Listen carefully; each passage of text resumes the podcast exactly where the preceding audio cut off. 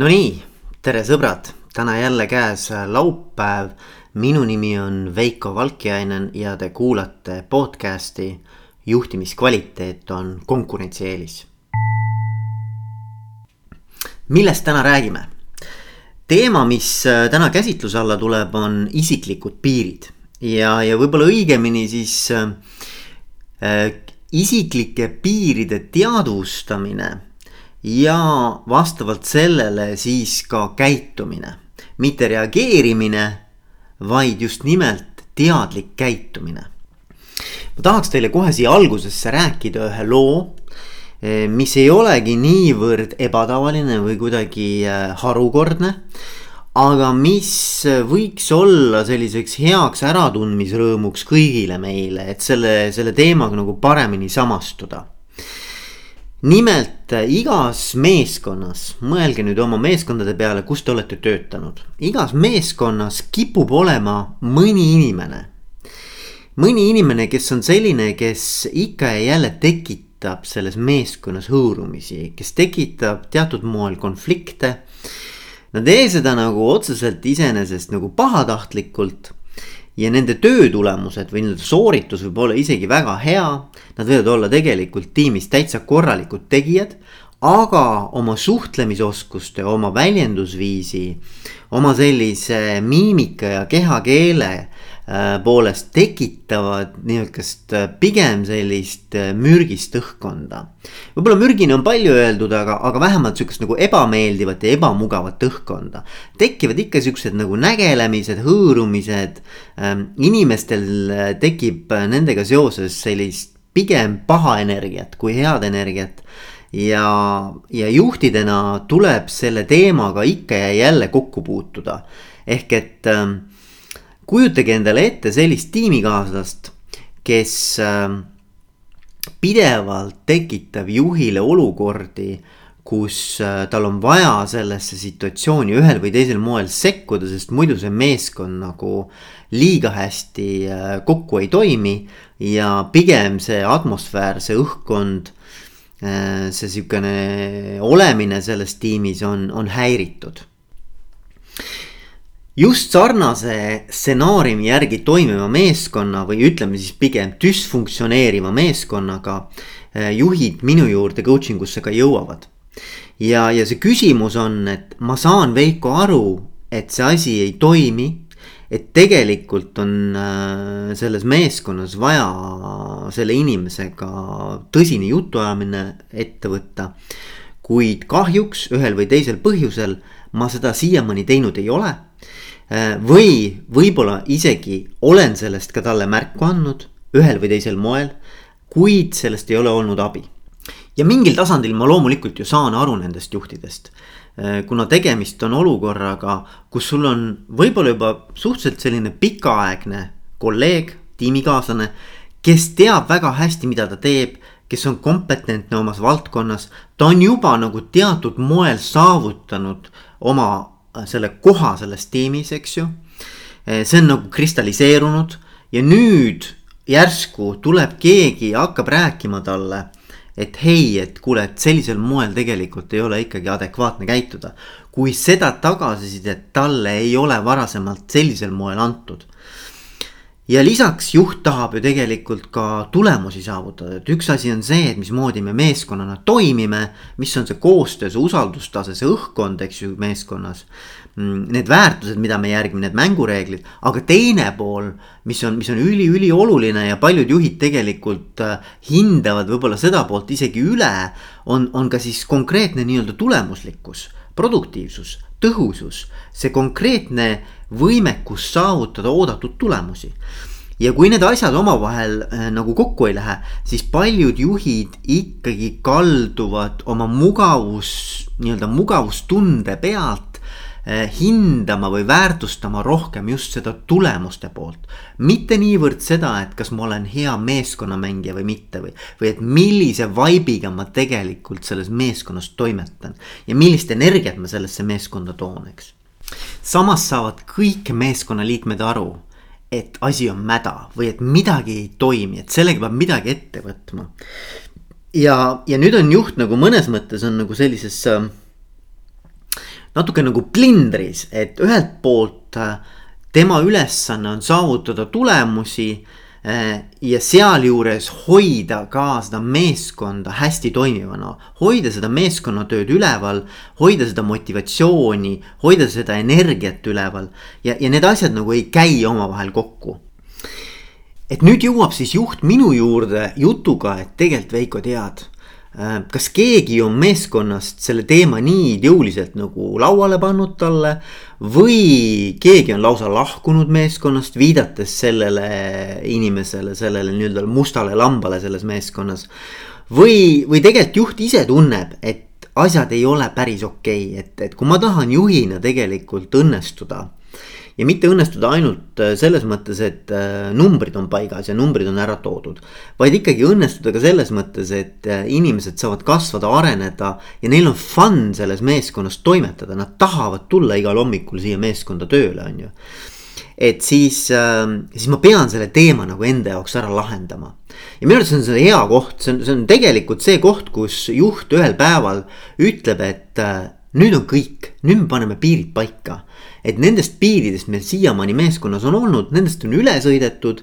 Äh, me ei ole seda suutnud respekteerida, aga nüüd ma panen need asjad paika, ma tahan, et see asi saaks läbi räägitud. ma tahan, et erinevate meeskonnaliikmete vajadusi ja ootusi äh, väärtustatakse, neid austatakse ja et äh, tegelikult me ikkagi saame need teemad nagu ära lahendatud loomulikult on see dünaamika siin väga kompleksne ja keeruline kuid lihtsustatuna võiks öelda, et, et, et juht on jõudnud oma, oma arusaamises ja, ja käsitluses sellest meeskonnast sinnamaani, et ta on nõus loobuma sellest nii-öelda mustast lambast, sellest segajast, sellest äh, disruptorist, on nõus loobuma selle nimel, et tegelikult meeskond saaks ühiselt oluliselt paremini edasi toimida ja on nõus ka loobuma tegelikult sellest kompetentsist ja sellest oskusest ja sellest tulemuslikkusest.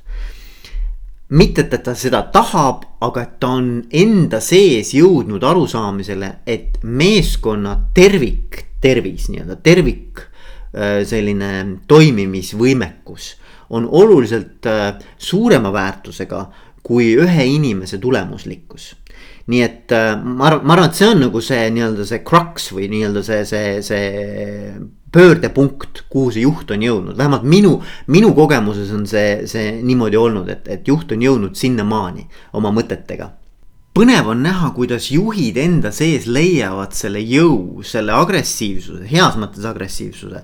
võib-olla isegi selle viha, nii-öelda selline nagu kontrollitud viha, mis aitab neil seda piiri seada, mis aitab neil jõuda selle punktini kui nüüd püüda kuidagimoodi aru saada sellest juhist, et mis on takistanud või mis takistab sellisel juhil seadmast äh, meeskonnas väga selgeid mängureegleid.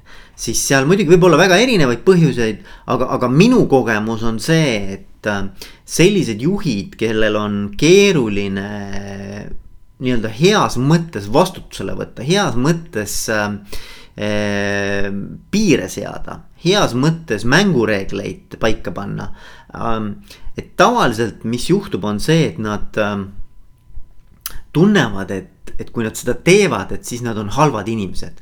või et nad kuidagimoodi sõidavad teistest üle või et nad äh, mingil moel teevad teisele inimesele haiget, eks ju ehm, just nimelt sellele inimesele, kes siis neid piire kogu aeg kompab ja piire ületab ehm, ja, ja tegelikkuses loomulikult tunnevad nad ennast halvasti selles, selles olukorras. aga nad ei ole võimelised ka minema sellest, sellest olukorrast välja. Ja ma arvan, et nüüd me oleme nagu jõudnud selle sihukese no, huvitava punktini selles, selles loos, eks ju. et, et, et see punkt on siis see, et, et juht on enda jaoks pidanud tulema välja sellisest tavapärasest talle omasest uskumusmustrist, mõttemustrist et kui tema on jõuline, kui tema on äh, kehtestav, kui tema on oma soove ja vajadusi väga selgelt väljendav teistele. Eh, eelkõige siis sellele nii-öelda segajale mustale lambale, eks ju. et kui ta, kui ta seda teeb, et siis mida ta tegelikult tunneb, on see, et ta sõidab teisest inimesest üle et ta teeb haiget teisele inimesele, et ta on nii-öelda halb inimene sealjuures ja sellepärast ta seda teha ei taha ja, ja mis juhtub, ongi see, et, et, et juhi sees on kuskilt mis iganes ajast siis oma, oma elu jooksul ähm, omaks võetud selline uskumus, et, et kui ma hakkan teistele mingisuguseid reegleid või oma vajadusi või oma ootusi peale suruma, eks ju. siis ma jään üksi. sellise juhi kõige suurem hirm on see, et teda jäetakse üksi. et, et ta vastandub ja, ja selle vastandumise käigus tegelikult äh, teda jäetakse üksi. või kus iganes see siis lapsepõlvest ka pärit ei ole, aga see on üks suur-suur uskumus. et kui mina hakkan ennast kehtestama, ma hakkan oma vajadusi ja ootusi väga selgelt väljendama, siis tegelikult ma jään siin maailmas üksi. ja see on see baashirm seal all mida ma coaching us olen teinud äh, juhtidega, on see, et me hakkame üldse teadvustama, et minule on ka mingisugused väga selged piirid, kust üle minna ei ole okei okay. ja, ja kui inimene on olnud eluaeg äh, pigem positsioonis, kus ta lähtub teistest inimestest, kus äh, ta seab teiste inimeste vajadused ja ootused ettepoole iseenda omadest. siis, äh, siis tal endal ongi raske aru saada, et ma tunnen küll ennast ebamugavalt, ma tunnen, et minust tekib, tekib mingisugune ärritatus, minust tekib mingisugune pinge, eks ju. aga ma ei tea, mis asi see on ja ma ei oska sellega midagi muud teha, kui ma siis püüan sellega kuidagimoodi hakkama saada. ja selle teise inimesega, kes siis minu piire ületab, eks ju, temaga ka siis kuidagi toime tulla, eks. ilma selleta, et ma tegelikult väga selgelt kõigepealt teadvustaksin, et minu piir on ületatud ja, ja, ja teiselt poolt, et, et siis valida mingisugune adekvaatne käitumisviis, kuidas oma piire seada, kuidas oma piire märka, nagu märgatavaks teha. kuidas oma piire väga selgelt nii-öelda paika panna, eks ju ja see on see, millega me siis coaching us väga selgelt toimetame ja tegeleme. et kõige esimene asi, et üleüldse panna kirja ja aru saada, et, et, et mis minus toimub, eks ju. et kui ma tunnen, et, et minus hakkab tekkima mingisugune ärritatavus, on ju. minus toimub mingisugune, minu keha füsioloogias toimub mingi protsess, mis annab märku sellest, et, et hei, et, et mul on praegu hetkel nagu ebamugav olla selles situatsioonis siis ikkagi endale aru anda, et mis on see trigger, mis oli see, mis mind tegelikult käima tõmbas, eks ju. ilmselt oli see mingi käitumisviis äh, kellegi teise poolt, äh, mis minu piire korraks hakkas kompima, eks ju, minu piire hakati nii-öelda nagu ületama. ja et, et sellest aru saada, et, et hakata ennast kuulama, oma keha kuulama ja siis püüda aru saada, et okei okay,, et kõigepealt, et mis oli see trigger pärast seda, mis on see tunne, mis minus sellega seoses tekib, on see viha, on see, ma ei tea, mingisugune ähm, ebameeldivus, mingisugune ärritatavus, mis, mis asi see on, on ju. ja sellega me hakkamegi siis juhtidega tegelema, et, äh, et coaching us, mida ma kõige esimese asjana äh, sellistes situatsioonides või selliste teemadega teen, on see, et, et üleüldse hakata iseennast paremini kuulama. aru saama läbi oma keha, et mis on need asjad, mis mind siis käima tõmbavad, eks seal võib olla väga erinevaid asju, aga, aga et inimene hakkaks teadvustama ja märkama, mis temas toimub. ja mis on need trigger'id, mis on need, mis need päästikud nii-öelda, need erinevad käitumisviisid äh, meeskonnas, mis selles juhis hakkavad äh, äh, ärritust, ebamugavust või mis iganes see tunne on, eks ju.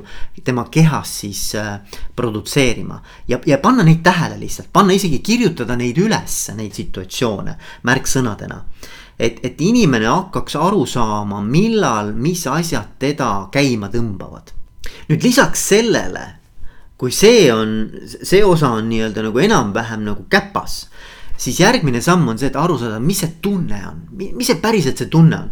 Eesti keeles on igavene hunnik erinevaid tundesõnu. hakata nendest äh, tundesõnadest välja valima, et mis on need tunded, mida ma siis päriselt tunnen. on see viha, on see mingisugune ma ei tea, valu, on see mingi häbi, on see mingi, mingi kurbus, mingisugune, mis, mis iganes see tunne on, eks ole, mida sa nagu tunned. ja, ja siis neid tundeid ka sinna juurde, päästikute juurde selgelt nagu väljendama.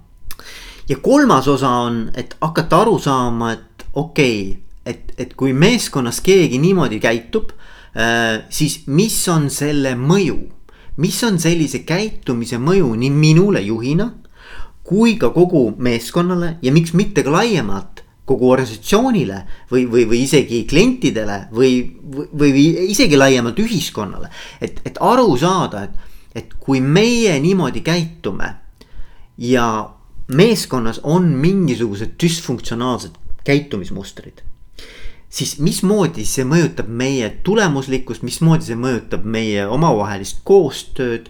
mismoodi see mõjutab kogu selle meeskonna mõju organisatsiooni tulemuslikkusele, organisatsiooni käitumisele.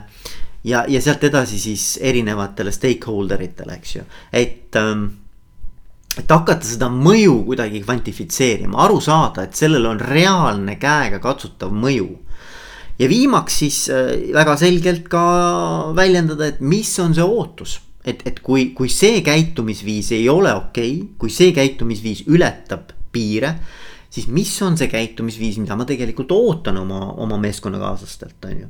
Eriti sellelt ühelt, kes siis nii-öelda selle musta lambana ähm, ekstra nii-öelda kogu aeg neid äh, piire kombib, eks. et, et mida ma ootan, mis on mu ootus ja see hästi selgelt nagu mängureeglitena nagu paika panna. ja samamoodi küsida teiste käest, et mis on see mismoodi nemad seda olukorda näevad, mis on see tunne, mis neil sellega seoses tekib, mis on see mõju sellele meeskonnale ja neile. ja samamoodi, et mis nemad ootavad. ehk et kui, kui see teema nii-öelda laiemalt panna lauale ja meeskonnaga koos noh, selleks peab muidugi olema vastav selline õhkkond ja, ja avatuse tase juba olemas, eks ju. aga põhimõtteliselt ideaalis võiks olla, olla võimalus sellist töötuba läbi viia meeskonnas, kus, kus inimesed saavad täpselt sellest rääkida, et millised on nende ootused üksteisele ja miks nad käituvad sellisel moel, nagu nad käituvad ja mis selle mõju on kogu meeskonnale ja laiemalt, eks ju. et siis ähm,, siis ma arvan, et sellest on äh, meeskonna tervise mõttes väga-väga palju kasu usun siiralt, et sellisest äh, eneseanalüüsist, äh, oma piiride teadlikkuse kasvatamisest ja sealjuures ka piiride väga selgest väljendamise oskusest Eh, tohutult kasu nii juhile endale kui ka sellele meeskonnale. ja, ja miks mitte ähm, alustada iseendast ja, ja pärast aidata kogu meeskonnal tegelikult sarnane, sarnane protsess iseendaga läbi teha kallid sõbrad, olemegi jõudnud tänase episoodi lõppu ma tänan siiralt, et oled võtnud selle aja ja kuulata mind, kuulata minu mõtisklusi. Äh, vaadata sisse erinevatesse teemadesse, mis coaching us äh, üles on kerkinud minu praktikas. ja kui sul nüüd tekkis äratundmine, et tahaksid ise ka mingisuguses teemas minuga mõtteid põrgatada ja endale eh, selgust luua ja mingisuguseid uusi alternatiivseid sobivamaid lahendusi ellu kutsuda. siis ähm, tee järgmist, äh, võta välja oma mobiiltelefon või kui see juba, juba käes on, siis ähm, ava lihtsalt SMS ähm, äh, aken. toksi sinna sisse telefoninumber viis null üheksa seitse kuus neli neli ma nüüd annan sulle natukene aega, võta see päriselt tee ka ära, sest muidu jääb see tegemata. võta lahti SMS-i aken ähm,. numbrireale pane viiskümmend, üheksakümmend seitse, kuus, neli, neli. ja, ja kirjuta mulle, et mis sulle sellest konkreetsest episoodist kõige rohkem meelde jäi. kui sa midagi muud ei taha kirjutada, siis kirjuta mulle lihtsalt kolm varianti esimene variant, äh, aitäh Veiko, et jagasid oma mõtteid minuga. olen huvitatud sinuga nendest teemadest lähemalt rääkima. teine variant, aitäh Veiko, et jagasid minuga oma mõtteid. Äh, hetkel coaching ei ole minu jaoks, aga mine tea, võib-olla tulevikus olen huvitatud ja kolmas, et äh, aitäh, Veiko, et jagasid oma mõtteid aga coaching ei ole minu jaoks ja ma ei ole sellest huvitatud. ka see on minu jaoks tegelikult äh, hea tagasiside, nii et äh, ole hea, tee see väike asi, võta lahti SMS äh, Messengeri äh, aken. kirjuta mobiiltelefoni numbri reale viiskümmend üheksakümmend seitse kuus neli neli, mis on minu number. ja siis äh, kirjuta oma mõtted paari lausega, mis sellest episoodist kõnetama jäi ja siis kolm varianti, et aitäh Veiko, et jagasid oma mõtteid. Mm, olen huvitatud, tahaksin sinuga nendel teemadel lähemalt rääkida aitäh, et jagasid mõtteid, hetkel ei ole coaching minu jaoks, kuigi tulevikus olen avatud selleks. Ähm, ja kolmas siis, et aitäh, et jagasid mõtteid, aga äh, ei ole üldse huvitatud coaching ust. ja see on ka okei okay., ühesõnaga tehke see call to action ära ja ma loodan kuulda teist juba peagi. kõike head, olge mõnusad, tšau